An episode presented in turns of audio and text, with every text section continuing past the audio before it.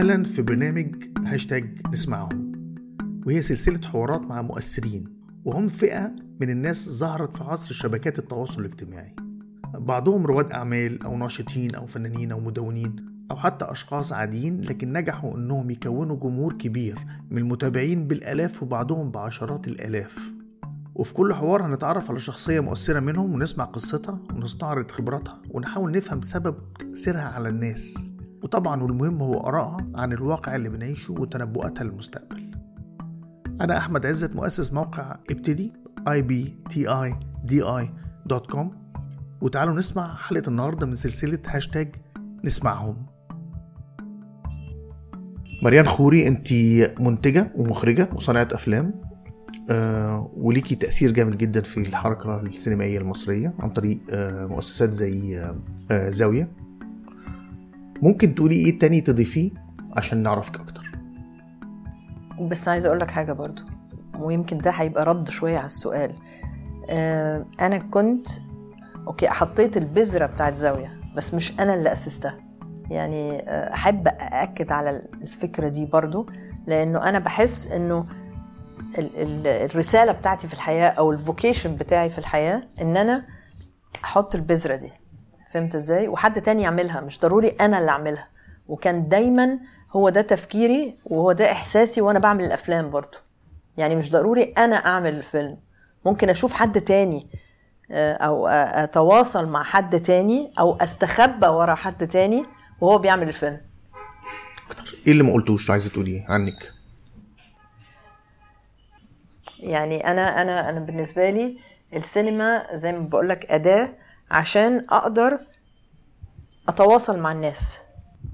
احكي لي عن نشأتك. آه، أنا الوحيدة اللي في العيلة اللي اتولدت في القاهرة. العيلة كلها اتولدت في اسكندرية.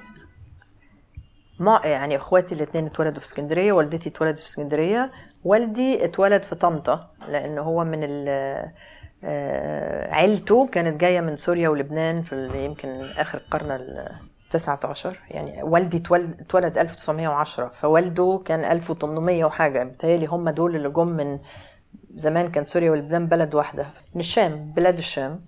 أنا اتولدت في القاهرة آم، في أكتوبر فدايما عيد ميلادي على دخول المدارس كده. لما اتولدت والدي كان عنده شركة آه، إنتاج كبيرة اسمها شركة الشرق. كانت من أكبر شركات الإنتاج والتوزيع في مصر. كانوا بيقولوا عنه ملك التوزيع لأنه هو self-made man علم نفسه بنفسه بس نجح في المجال ده بالصدفة دخل السينما بالصدفة ونجح في المجال ده وبقى عنده الشركة الكبيرة دي. وكان بيوزع أفلام في المغرب والجزائر وتونس. وأنا اتولدت في في في اللحظة دي اللي كانت الشركة فوق خالص. سنة 58 آه، كان ناجح جدا و آه، كان دايما بيحلف بيا كان مبسوط إنه جاله بنت وحاجات كده. بعد كام سنة يا دوبك يعني بعد كام سنة اتأمم آه، فخد تاخد منه كل حاجة. الأفلام ولغايه النهارده المكتب بتاع غرفة صناعة السينما في شارع رمسيس الوصل النور باسمه. فالمهم اتأمم وساب مصر والعيلة كلها سابت مصر. وأنا وصلت لبنان كنت صغيرة جدا فدخلت المدرسة في لبنان. عملت أول آه، تقريبا لغاية سن 12 سنة كنت في المدرسة في لبنان في مدرسة رهبات آه، من أكبر مدارس في لبنان لأنه هو أبويا كان حريص جدا برغم إنه كان ممكن يبقى عنده أزمات مالية أو حاجات كده بس كان حريص جدا إن إحنا دايما دايما نبقى في أحسن مدارس وأحسن جامعات وأحسن فأنا دخلت المدرسة دي اللي هي كانت اسمها النزارات الناصره مدرسة آه، كانت آه، يعني البرجوازية اللبنانية في الأشرفية. هم اللي بيودوا بناتهم هناك وإحنا كنا ساكنين في الروشة على البحر. فكل يوم كنت بروح بالأتوبيس ده تقريبا أكتر من ساعة وقتها. آه، قعدت في المدرسة دي كام سنة. ابتدائي كله عملته هناك. وبعدين وصلت هنا في مصر آه، رجعنا مصر لأن والدتي ما كانتش حابة لبنان قوي وكانت آه، آه، متعودة قوي على مصر ما كانتش عايزة تسيب مصر. فأنا رجعت مع والدتي مصر ووالدي فضل شوية في لبنان هو وأخواتي ودخلت السكريكور برضو مدرسة رهبات. بعد كده بقى مشوار تاني.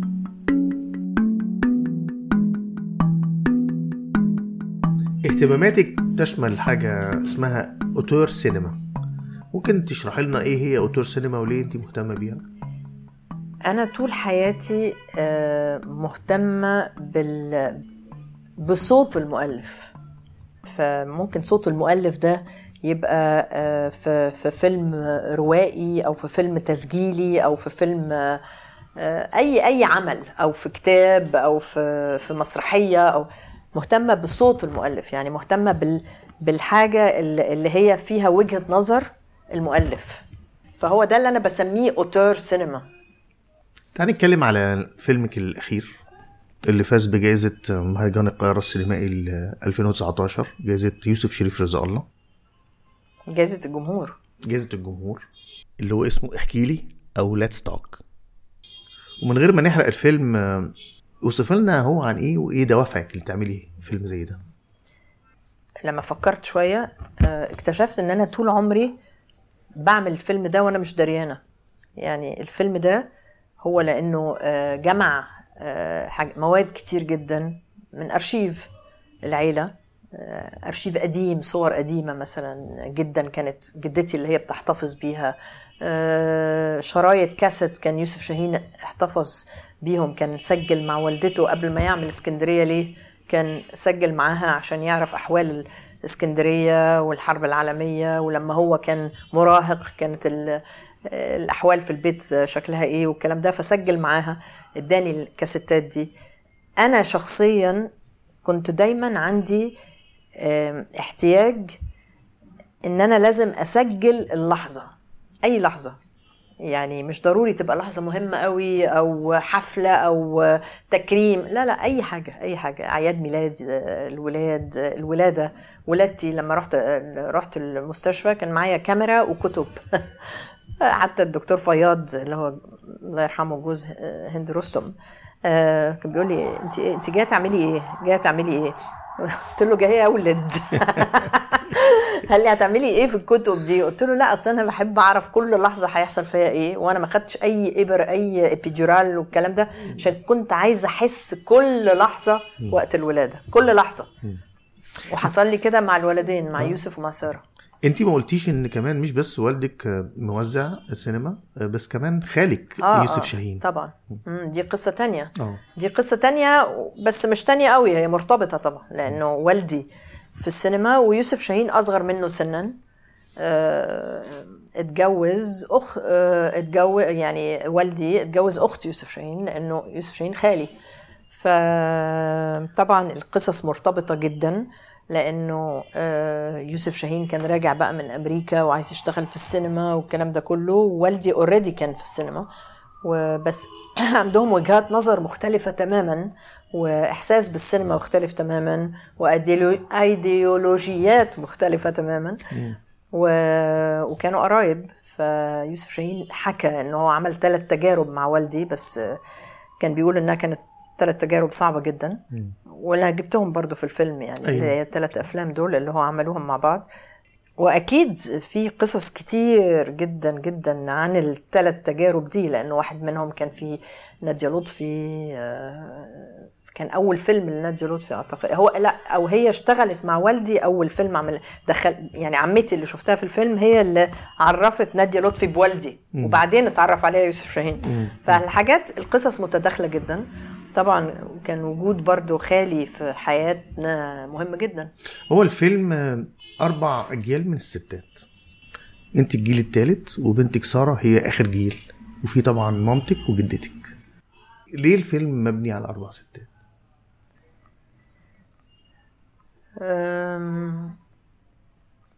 هرد عليك زي ما رديت ليوسف شاهين لأن أنا ست وعندي بنت و...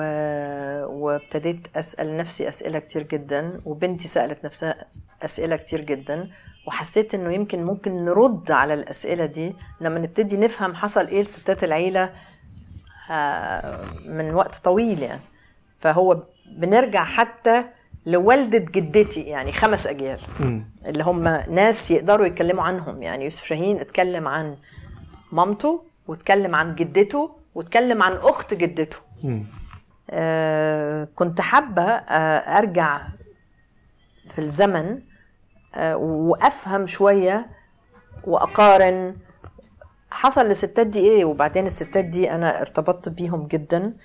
وحاسة إنهم ستات يعني آه، شخصيات غنية جدا لو كان جدتي أو مامتي أو آه، أو ال- الفترة يعني أنا مش بحكي بس عن الجدة أو مش بس عن أمي هي فترة هي فترة زمنية يعني جيل أمي ده فترة زمنية اللي هي. آه، والدتي ات- ات- اتولدت سنة 24 ويمكن جدتي بقى 1800 وحاجة فكلهم بيتكلموا عن فترة.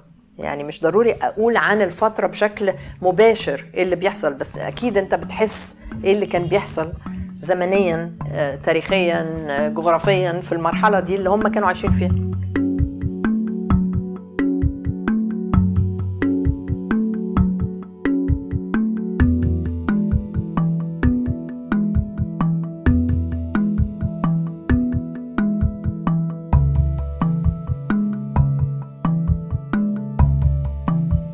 انت بحتي جامد في الفيلم آه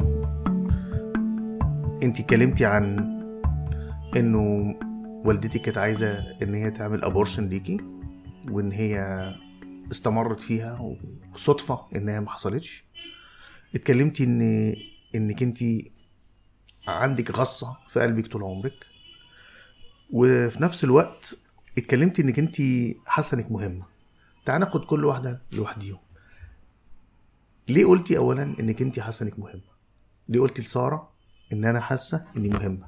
أنا قلت لسارة كده؟ قلت لها مش بالنسبة لكم بس أنا حاسة إن آه. أنا فيه أهمية ليا. آه. فايدة. هي سارة بتقول لي انت حاسة إن مك- مالكيش فايدة.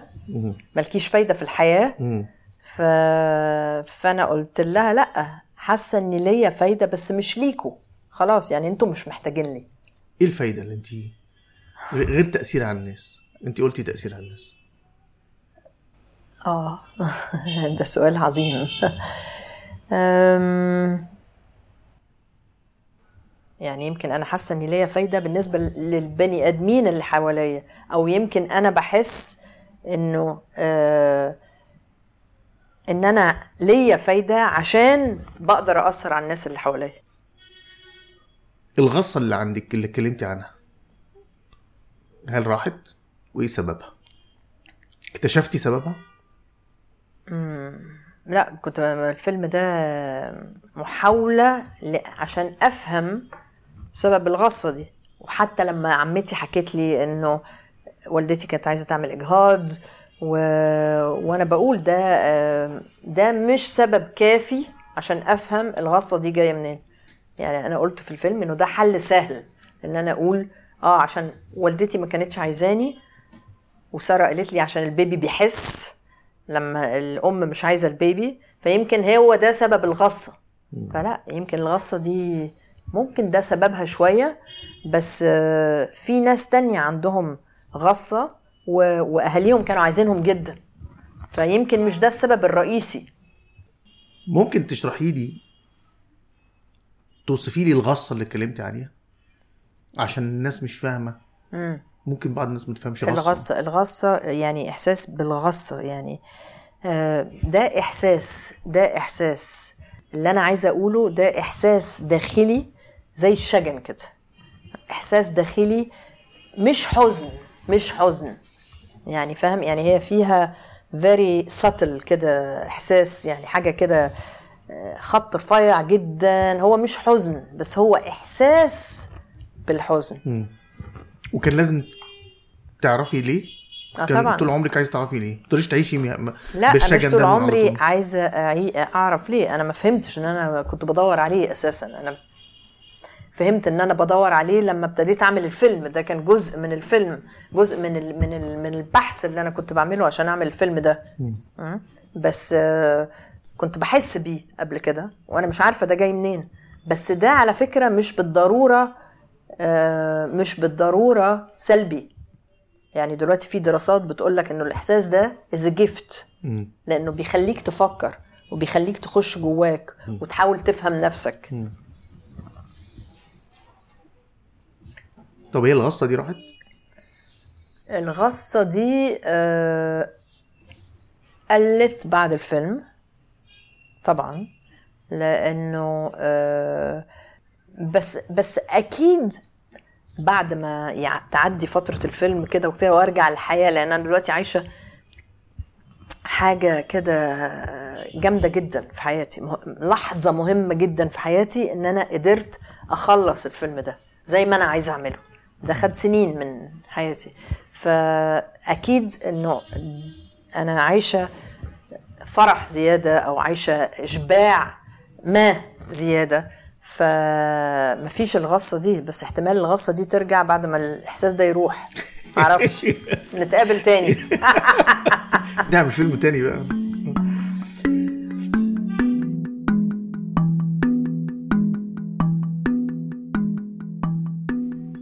ليه في الفيلم ليه في حتة بتقولي فيها الام بتساعد ولا بتعطل؟ عشان الأم بني آدم. والأم عندها مشاكلها.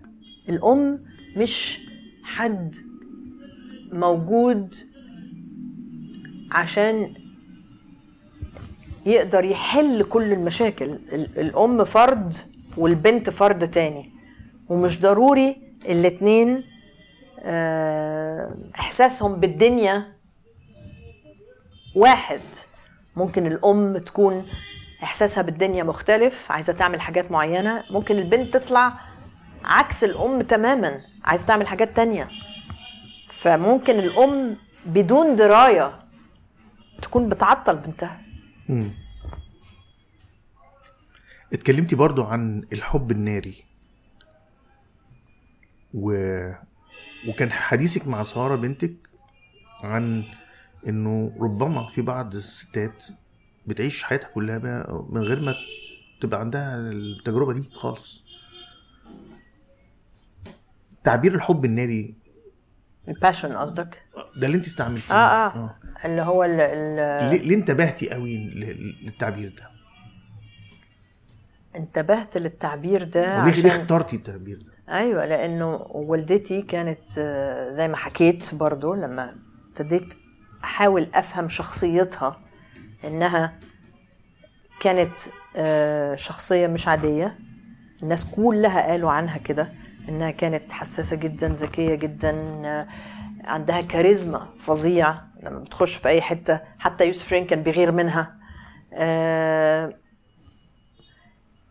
وبعدين اتجوزت جوازة. كان ممكن أي حد يبقى مبسوط في الآخر. يعني راجل عنده شغل راجل في الوقت ده راجل آه، قدر يوفر لها حياة كريمة آه، خلفت ثلاث ولاد عاشت بس ما كانتش سعيدة ما كانتش سعيدة عشان كانت بتدور على حاجة تانية. عشان كده استخدمت ال- ال- ال- المعنى ده. ودي نظريتك ولا ده واقع؟ مش عرفك إن إنك أنت دي إن هي كانت ما كانتش سعيدة. عشان آه، ما كانتش بتقاوم في الآخر. وأنا بالنسبة لي المقاومة ده آه، دليل عن السعادة. لما حد بيقاوم يعني عايز يعيش. يعني متمسك بالحياة. آه. لو حد مش عايز يقاوم يعني مش مش عايز يعيش. برضه في موضوع حساس تاني قلتيه في الفيلم على جوازتك الأولى وإنك أنت أنهيتي الجواز ده إنك مشيتي وعمرك ما رجعتي تاني. هل ده له علاقة بقصة أمك؟ ما- وإنك انت رغبتك إنك ما تكرريهاش؟ بص يعني لما خدت القرار ده آه، لازم أعترف إنه خالي ووالدتي ساعدوني فيه. أنا ما كانش يمكن أعرف أو أقدر أو عندي قدرة إن أنا آخد قرار زي ده. أنا رحت يوم البنك وهم كنت بتشتغلي في البنك كنت بشتغل آه أنا أساسا دارسة اقتصاد وعلوم سياسية فكانت دي الشغلانة الأول شغلانة خدتها في حياتي آه وكمهنة يعني و وما كنت ما كانش عندي الجرأة إن أنا آخد قرار زي ده. آه ما كنتش سعيدة بس ما, ما كانش عندي جرأة. هم جرؤوني. هي أمي اللي قررت وخلت يوسف شاهين هو اللي يقوم بالمهمة دي. بس هي اللي اللي فكرت في كل ده طبعا. طيب برضو لمحة تانية من من الفيلم اللي هو رائع في رأيي يعني جدا إنك في بلكونة في كوبا مع بنتك آه سارة هي بتوصف إنها بتقول إن هي من خلفية برجوازية واخداها منك. عندها نوع من ال identity crisis عندها هوية. خاص أزمة هوية. هل هل ده في رأيك آه، حصل لوحده ولا أنت كان ليكي دور إنك تسببي أزمة الهوية دي لسارة؟ حصل لوحد مفيش حاجة بتحصل لوحدها يعني الحاجات دي آه، ناتج لحاجات كتير جدا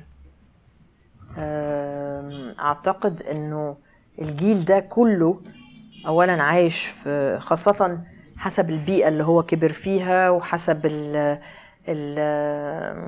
العيلة جاية منين وجذور العيلة جايين منين؟ يعني إذا في خليط ما فيش خليط كل الكلام ده. يعني أزمة الهوية أنا رأيي إنه لابد إنهم يعدوا منها ويطلعوا منها. وكل واحد يلاقي هويته إيه أو هويته فين. عشان الهوية دي مش ضروري تبقى بلد مش كده؟ يعني أو وجودها في كوبا دلوقتي خلاها تفكر في حاجات كتير جدا جدا لأنها برضو بتفكر في آه، كأنثى. هل هتعرف ترجع مصر ولا لأ؟ هو ده الهاجس بتاعها النهارده. هل هتعرف؟ هت... لأنها جربت إنها ترجع مرة وتعبت جدا. آه، لأنها هي سابت مصر وهي صغيرة يعني كان عندها 18 سنة لما راحت تعمل أول دراسة جامعية في فرنسا. وبعدين بعد ما خلصت حاولت ترجع مرة. تعبت. عشان كان مكان كانت حاجة جديدة بالنسبة لها. كمان علاقتها بمصر في في المهنة مش بس علاقتها في مصر في الأسرة لأنها رجعت بقى مش على الأسرة رجعت على البلد. إنها تحاول تشتغل إنها كذا. فالدنيا ما كانتش سهلة. فعشان كده هي بتفكر كتير في رجوعها لمصر. نفسها ترجع. برضو انت في كلامك معاها قلتي لا أحد يصدمني. خلاص ما بقيش حد يقدر يصدمك تاني. ممكن تزيدي آه يعني عايزة؟ أقول إنه الواحد من من ال- البيئة اللي هو كبر فيها من الحاجات اللي شافها من تجربته في الحياة ما ما وما عنديش فكرة إنه أي حاجة تحصل ممكن تصدمني ممكن أتوقع حاجات كتير جدا جدا. إنه الناس مختلفة وإنه في فوارق بين البني آدمين وأحاسيسهم مختلفة ومش بس أصل الصدمة ليها دعوة بالتقبل. إزاي ممكن تصنفي نفسك؟ بعد تجربتي في الحياة يعني إنه آه، يمكن أكتر حاجة ممكن أحس إن أنا بشارك فيها إن أنا ان passeur يعني حاجة بتعدي مني فاهم؟ يعني زي زي transmitter زي facilitator فاهم؟ عارف الإحس... الحكاية دي؟ أنا عندي إحساس إن أنا كده عشان كده بقول لك أنا مش مخرجة. يعني ما اعتبرش نفسي مخرجة مع... عملت في الآخر أنا شخصيا أربع أفلام OK أنتجت كتير بس هو ده اللي أنا بحس بيه أكتر من أي حاجة تانية. ايديولوجيا سياسيا. ب- يعني هل انت فعلا تيمة البرجوازية اللي بتتكرر في الفيلم على عيلتك؟ هل انت تصنفي نفسك برجوازية؟ هل انت على اليمين على أنا- اليسار؟ أنا أنا أنا لا إحساسي يسار طبعا. إحساسي طبعا يسار آه.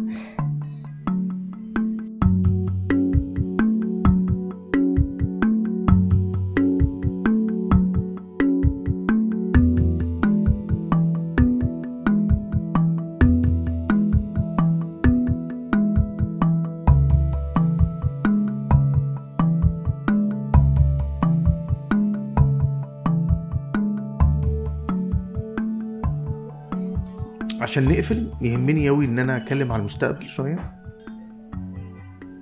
بص هي كل اللي أنت قلته ده مرتبط. الجنون شوية بال بالغصة بال حب الحياة بالحرية. لما أنا بتكلم عن الموت امبارح برضو اتكلموا في الحتة دي فك فكرة لما بقول لما هي جملة بتتكرر مرتين في الفيلم إنه حد لازم يموت عشان حد يعيش. أيوه.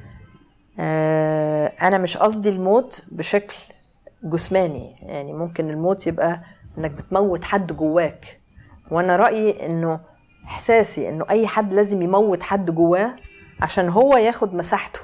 ودي حاجة مهمة جدا في الحياة. وممكن لازم ممكن حد قريب جدا منك ابنك. مم. لازم. مم. لازم ياخد مساحته. مم. فلغاية ما ياخد مساحته دي بتاخد آه، صراعات كتير بين الأم وبين الابن وبين والمستقبل. آه ده المستقبل. ده المستقبل. ده المستقبل إنه إنه يبقى فيه حرية. من غير حرية مفيش تفكير مفيش حياة. هصدمك لو قلت لك مش خايفة. لا بالعكس. يا بختك. مش عارفة مش مش حاسة إن أنا خايفة. أنت ممكن أكتر حاجة ممكن تخاف منها إيه؟ الموت. أنا قربت منه جدا بالتجربتين بتاعتي. آه يعني أنا وصلت للقاع. ورجعت قبيت تاني معرفش إزاي بس حصل. ما تقوليش إنها حاجة علمية. في علم طبعا في علم طبعا بس في حاجات كمان ما مش- ما لهاش علم انت ممكن تصحى الصبح تلاقي نفسك عندك حاجة بتمنعك إنك تعيش بدون أي أسباب. هي معجزة طول الوقت. الحياة دي معجزة.